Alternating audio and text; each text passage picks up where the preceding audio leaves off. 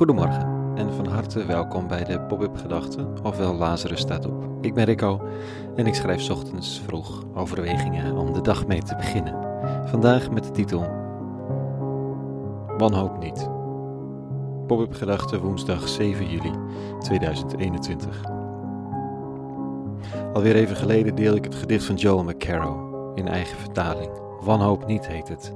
En wellicht is het toepasselijk op de ochtend na de moordaanslag op een welbekende advocaat hier om de hoek in Amsterdam.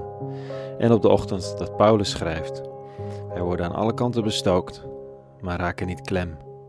We zien geen uitweg, maar we zijn nooit ten einde raad. We worden opgejaagd, maar niet in een steek gelaten. We worden neergeveld, maar we gaan er niet aan dood. Hierbij, wanhoop niet. Er is te veel pijn hier. Heb je het gezien, of niet zozeer gezien als wel gevoeld?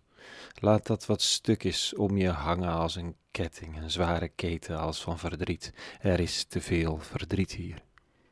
Het kruipt onder je huid en verandert wat je voelt.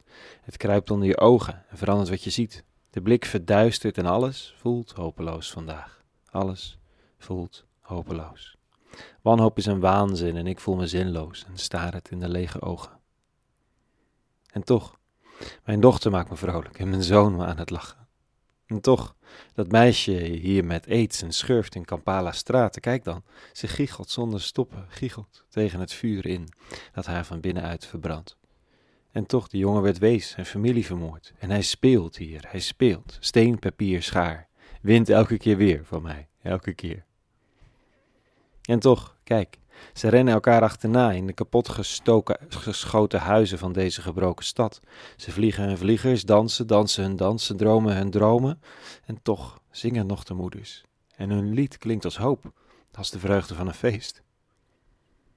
Ik volg het niet, maar er is nog vreugde bij hen. Tussen de momenten van lijden, te midden van hun teisteringen, ondanks hun pijnigingen en binnenin hen, in hen, de ellendige.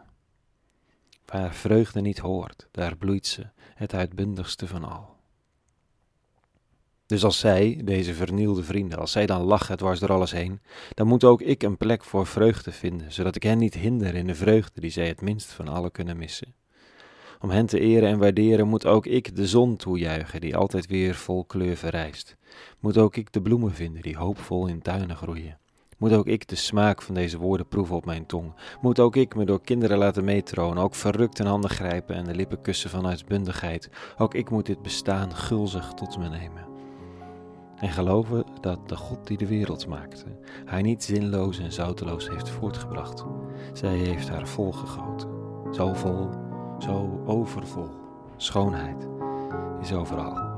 Schoonheid is overal. Schoonheid is overal. Tot zover vanochtend. Er rest me voor vandaag niets anders dan een welgemeend vrede en alle goeds.